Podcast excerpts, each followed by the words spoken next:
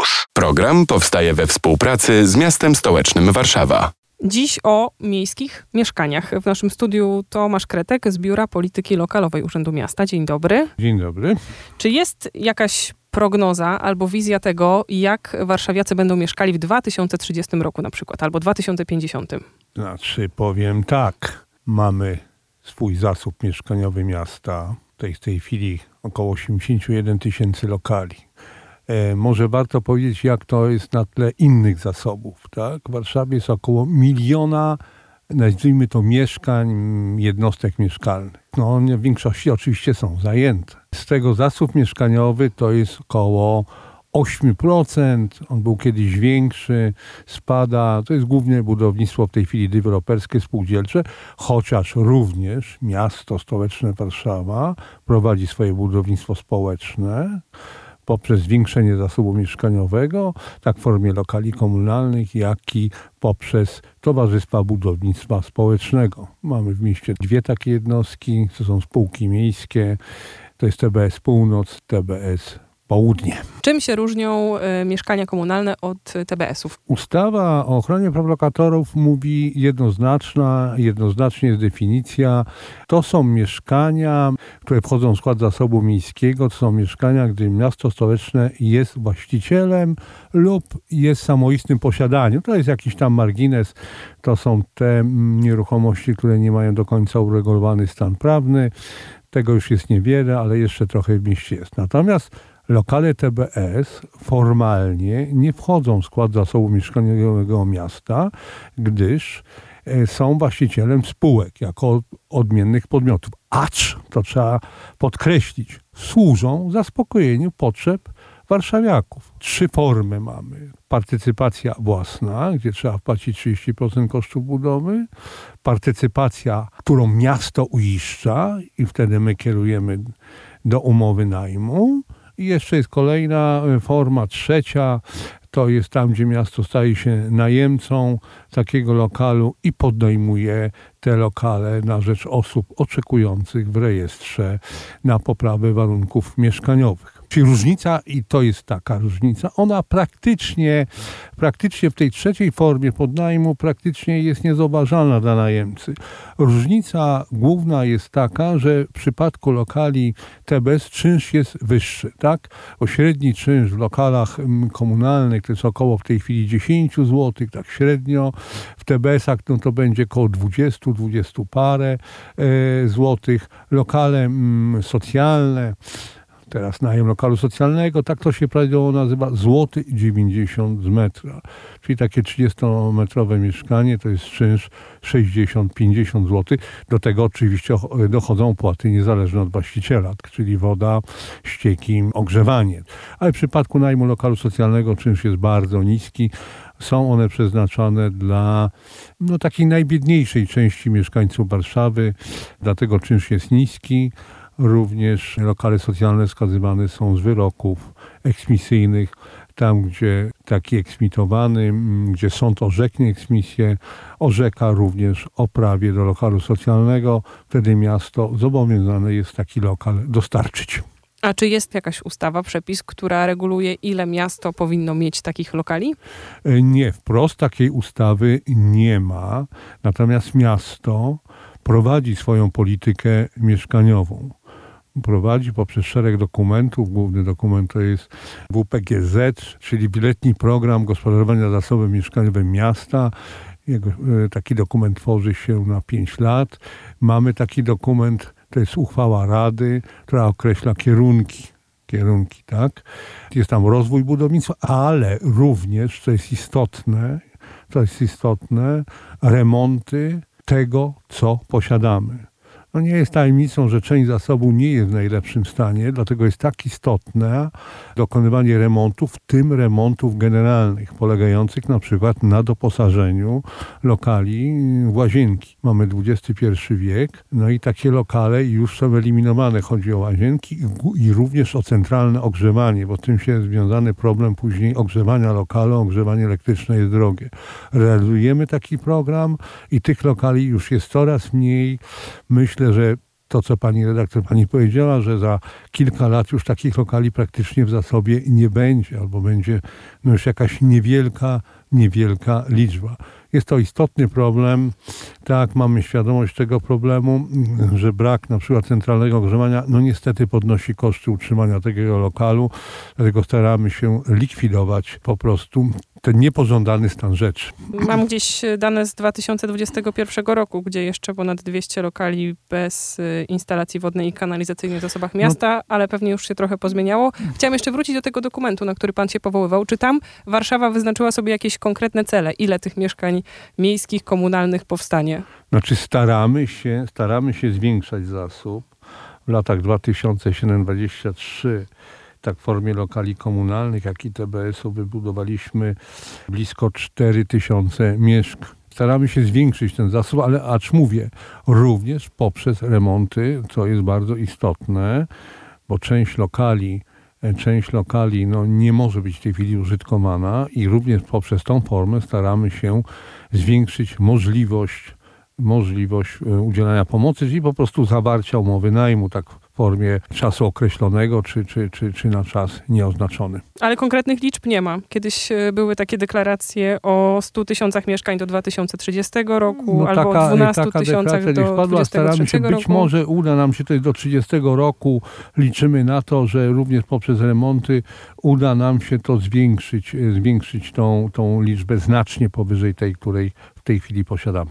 Wspomnieliśmy o mieszkaniach komunalnych i TBS-ach, ale chciałam jeszcze podkreślić te różnice z perspektywy osoby, która poszukuje takiego mieszkania. Pojawiło się też to kryterium dochodowe, o którym pan wspominał, niskie, więc czym się różni mieszkaniec TBS-u od mieszkańca mieszkania komunalnego? Znaczy, może inaczej.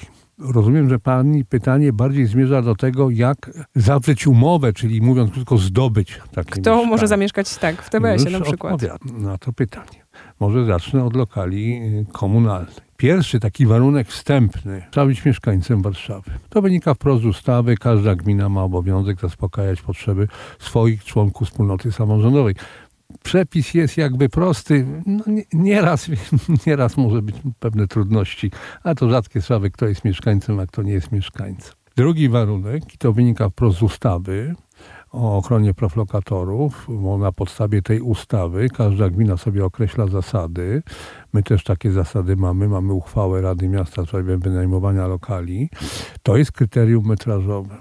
Trzeba mieszkać w trudnych warunkach. A co to są te trudne warunki? Powierzchnia mieszkalna, pokoje tylko i wyłącznie.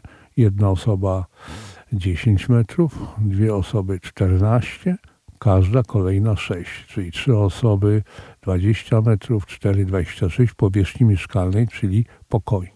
Oraz spełniać kryterium dochodowe. Teraz te kryterium ostro wzrosło.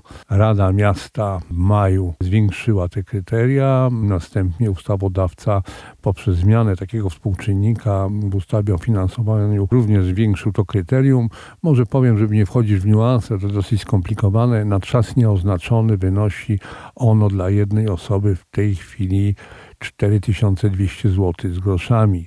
Ktoś powie, że mało, ktoś powie, że dużo. Mi się wydaje, że to jest tak już dosyć wysoka kwota, może inaczej, nie wysoka, ale taka już znaczna. Znaczna 4200, było mniej, jeszcze na wiosnę było to 3030 zł. Teraz ważne pytanie, co to za kwota, bo z tym są też nieporozumienia, że brutto, netto. Zmienił się sposób obliczania dochodu. W tej chwili liczymy dochód tak jak, znaczy dochodzimy do tego dochodu, tak jak jest w dodatkach mieszkaniowych, z kolei ustawa o dodatkach nawiązuje do innej ustawy, czyli generalnie, nie wchodząc w niuansy, jest to kwota netto. To jest drugi warunek. Jeżeli te warunki, te dwa, no i ten trzeci wstępny jakby są spełnione, taka osoba może być zakwalifikowana, zostaje wpisana do rejestru i oczekuje wtedy na najem lokalu. Jak e, długo? A, no to jest pytanie, które wiedziałem, że padnie. Powiem tak, są różnice między dzielnicami, to trzeba powiedzieć szczerze i nie wolno tego nie powiedzieć. Są dzielnice, które mają duży zasób, tak jak dzielnica Bola, 14 tysięcy lokali, dzielnica Śródmieście około 12, Mokotów, Praga Północ, no ale i są dzielnice bardzo małe, głównie mm, Ochota 4,5 tysiąca. No Wilanów na przykład ma 31 lokali. Te obrzeżne dzielnice, z wyjątkiem może Bielan, mają mały zasób, dlatego ten czas oczekiwania jest z pewnością trochę dłuższy, ale jesteśmy jednym miastem, dlatego została wprowadzona jakby taki zwyczaj, taka mm, współpraca pomiędzy dzielnicami i te dzielnice bogatsze o zasób, tak, wspomagają te dzielnice biedniejsze, przekazują lokale do jednorazowej dyspozycji. Czas oczekiwania w Śródmieściu no to jest do roku, w tych obrzeżnych dzielnicach no to może być trochę dłużej. Tu jeszcze zaznaczę jedną rzecz, że oczywiście mamy jeszcze sytuację, gdzie ten lokal jakby musimy dać. To są decyzje najczęściej organów nadzoru budowlanego. Jest taka decyzja wydana na podstawie tych przepisów o natychmiastowym opróżnieniu.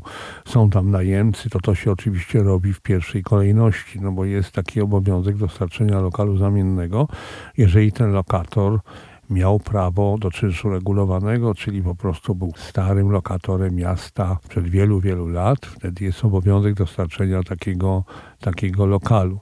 Czyli czas oczekiwania związany jeszcze jest jakby z tytułem. A na jak długo? To jest bardzo dobre pytanie. E, odpowiedź może być prosta, ja ją trochę skomplikuję, ale najpierw prosto odpowiem. Na zawsze. Lokal zamienny jest na zawsze. Jeżeli ktoś miał umowę na czas nieoznaczony, będzie dalej miał umowę na czas nieoznaczony. Jeżeli ktoś jest zakwalifikowany do umowy najmu na czas nieoznaczony, a wynika to jakby, bo czy lokal będzie na czas nieoznaczony, czy na czas oznaczony lokal socjalny, zależy od wysokości dochodów. Która może się przecież zmienić w ciągu e, życia. Znaczy my, proszę teraz chwilkę koncentracji, bo z tym też są związane nieporozumienia. Jeżeli ktoś zawarł umowę na czas nieoznaczony, to ma to na czas nieoznaczony. I jeżeli ta umowa jest w tej chwili zawarta, czyli po 21 kwietnia 2019 roku, zgodnie z ustawą, będzie podlegał weryfikacji dochodowej. Stare umowy nie. Jeżeli ktoś miał przed 21 kwietnia 2019, to nawet jak wygra w Totolotka szóstkę i będzie milionerem, może spokojnie mieszkać w lokalu komunalnym. Wszystkie nowe uchwały podlegają weryfikacji. Ustawa mówi co najmniej co 2,5 roku. My mamy w naszych przepisach prawa miejscowego co 3 lata będziemy weryfikować. Jeżeli ten dochód przekracza określoną wysokość, wtedy czynsz rośnie. Myślę o tym, czy miasto już teraz ma, albo czy będzie miało coś do zaproponowania dla tych osób będących po środku, czyli mających większe dochody niż te w przypadku mieszkań komunalnych, ale na przykład zbyt małe, żeby poszukać dla siebie mieszkania na rynku. Czy coś dla tych o średnich dochodach? Ale no to właśnie pomoc schodkowa. Segment A, bo tak jest w jednym dokumencie, są lokale socjalne. Segment B dla zamożniejszych umowy na czas nieoznaczony i segment C to właśnie są TBS, gdzie trzeba mieć wyższy dochód, bo tam jest minimalny dochód na poziomie, w tej chwili zmieniliśmy uchwałę 40% kwalifikacji na czas nieoznaczony. Tam są również górne widełki, które zostały spłaszczone, ale to już jest w trybie ustawy. I to jest właśnie skierowane do tych, którzy są tak po środku. Z tą grupą zawsze był największy problem. Bo jest ich za dużo? No zawsze był problem. Dlatego no, no my staramy się go rozwiązać właśnie poprzez TBS-y. No przy, w TBS-ie no, przy czynszu 20 zł, 20 parę złotych, no to już to nie jest 50 cena rynkowa, ale już trzeba jakieś dochody mieć, prawda? No to już nie da rady utrzymać takiego lokalu z renty socjalnej, no nie ma możliwości. Bo policzmy sobie 50 metrów, czynsz to jest ile? Po 20 zł, no jest 1000 zł plus, plus media, no to 1300-1400 zł. No, czyli to już jakaś kwota jest, prawda? Ktoś powie, że w stosunku do wynajmowanych lokali to i tak jest niedrogo, bo można i tak na to spojrzeć, prawda? Ale mimo wszystko są to już jakieś pieniądze, dlatego to już jest skierowane do tych, którzy mają większe możliwości finansowe. I to jest właśnie, właśnie ten kierunek Dlatego rozwijamy to budownictwo społeczne w formie TBS-u i to jest generalnie kierowane do tych, co pani redaktor powiedziała, co mają za, ma, za dużo na komunalne, a kłopot jakby no, z kredytowaniem. Można Ty- warszawskie TBS jakoś ująć w liczbach? Ile jest tych lokali? No Ile w tej będzie? chwili, w tej chwili tych lokali, o ile dobrze pamiętam, to jest ponad chyba 3,5 tysiąca. Będą dalsze. Będzie oddawana na Ząbkowskiej. Tam jest chyba 189 lokali w przyszłym roku. E, Banacha rusza, e, 205 lokali. Szereg in Babrze będzie inwestycja. Będą planowane inwestycje teraz na Strzeleckiej oddajemy, ale to pójdzie w całości na podnajem. Staramy się, y, staramy się, aby TBS-y mm, oddawały te lokale, które mają służyć właśnie mieszkańcom i właśnie mają służyć tej grupie, pani redaktor, co pani, pani powiedziała. Czy można jakoś oszacować te przyszłościowe prognozy? Jak y, podaje pan te liczby lokali, to one są takie ni to duże, ni to małe. Tutaj 100 parę mieszkań, tutaj 200 parę. Wydaje się to wciąż mało. Na to pytanie zawsze jest trudno powiedzieć, czy to mało, czy dużo. Proszę pamiętać, że finansowanie to jest duże, budownictwa to są duże koszty. Miasto oczywiście korzysta z funduszu dopłat yy, i TBS-y właśnie takie możliwości mają. Pieniądze są pozyskiwane. Proszę również pamiętać, to też warto na to zwrócić uwagę, że nie jest też łatwo z gruntami. Cegły możemy wyprodukować, stal też. Gruntu niestety nie wyprodukujemy. To mało kto sobie ma świadomość tego. Gruntu nie wybudujemy. Do tego dochodzą pewne problemy społeczno-socjologiczne. To jest niestety proces złożony. Chciałam wrócić do pytania, bo może jest już trochę jaśniej y, po kilkunastu minutach naszej rozmowy, jak zatem y, warszawiacy, warszawianki będą mieszkali w przyszłości. Częściowo w TBS-ach, ale nie wiadomo w jakim no to w procencie. większości, panie redaktor, spójrzmy na strukturę. Tak, jest około milion mieszkań. Zasób to jest 8%, 80 tysięcy. No w większości będą mieszkali w, w lokalach spółdzielczych i własnościowych. No, przez 10 lat tego nie obrócimy. No taki trend jest w Polsce, żeby mieszkać w lokalu własnościowym. Większość ludzi tak myśli. To się trochę zmienia, ale, ale niewiele. Wynika to z mentalności, wynika to ciągle e, z braku oferty na najem. No pani wie, czym skończyło się Mieszkanie Plus, na któreśmy bardzo liczyli w Warszawie, no kompletną klapą. Chciałbym powiedzieć przestrzec przed jednym, tak, bo być może kierunki się zmienią, ale nieraz można e, takie odnieść wrażenie, że za sytuację mieszkaniową w miastach to odpowiada samorząd. Co oczywiście jest nieprawdą i prawdą. Ale dlaczego jest nieprawdą? Dlatego, że ustawa o ochronie praw lokatorów mówi wyraźnie, co należy do obowiązków samorządu. Lokale socjalne, lokale zamienne i lokale dla osób znajdujących się w najtrudniejszej sytuacji. To nie jest tak, że samorząd ma wybudować dla wszystkich. Wiadomo, że jesteśmy miastem, do którego ludzie przyjeżdżają. I żaden samorząd w Polsce i moim zdaniem na świecie, możemy za chwilę porozmawiać, jaka jest sytuacja w innych miastach, na przykład zagranicznych, bardzo ciężka. I to nie jest tak, że Warszawa, że samorząd warszawski sam z siebie rozwiąże wszystkie problemy. Takiej możliwości po prostu nie ma. Nie ma i nie będzie. Być może będą nowe priorytety, będzie więcej dopłat. No zobaczymy. Bardziej sam samorząd nie rozwiąże wszystkich problemów. Takich możliwości żaden samorząd w, Warszawie, w Polsce nie ma takich możliwości. I z tym zdaniem y, zostajemy, bo otworzyło się jeszcze mnóstwo wątków, ale z powodów czasowych kończymy olbrzymi temat y, miejskich mieszkań, czy szerzej polityki mieszkaniowej. Tomasz Kretek, Biuro Polityki Lokalowej Urzędu Miasta. Dziękuję. Program powstaje we współpracy z miastem stołecznym Warszawa. Słuchaj Radio Campus, gdziekolwiek jesteś. Wejdź na www.radiocampus.fm.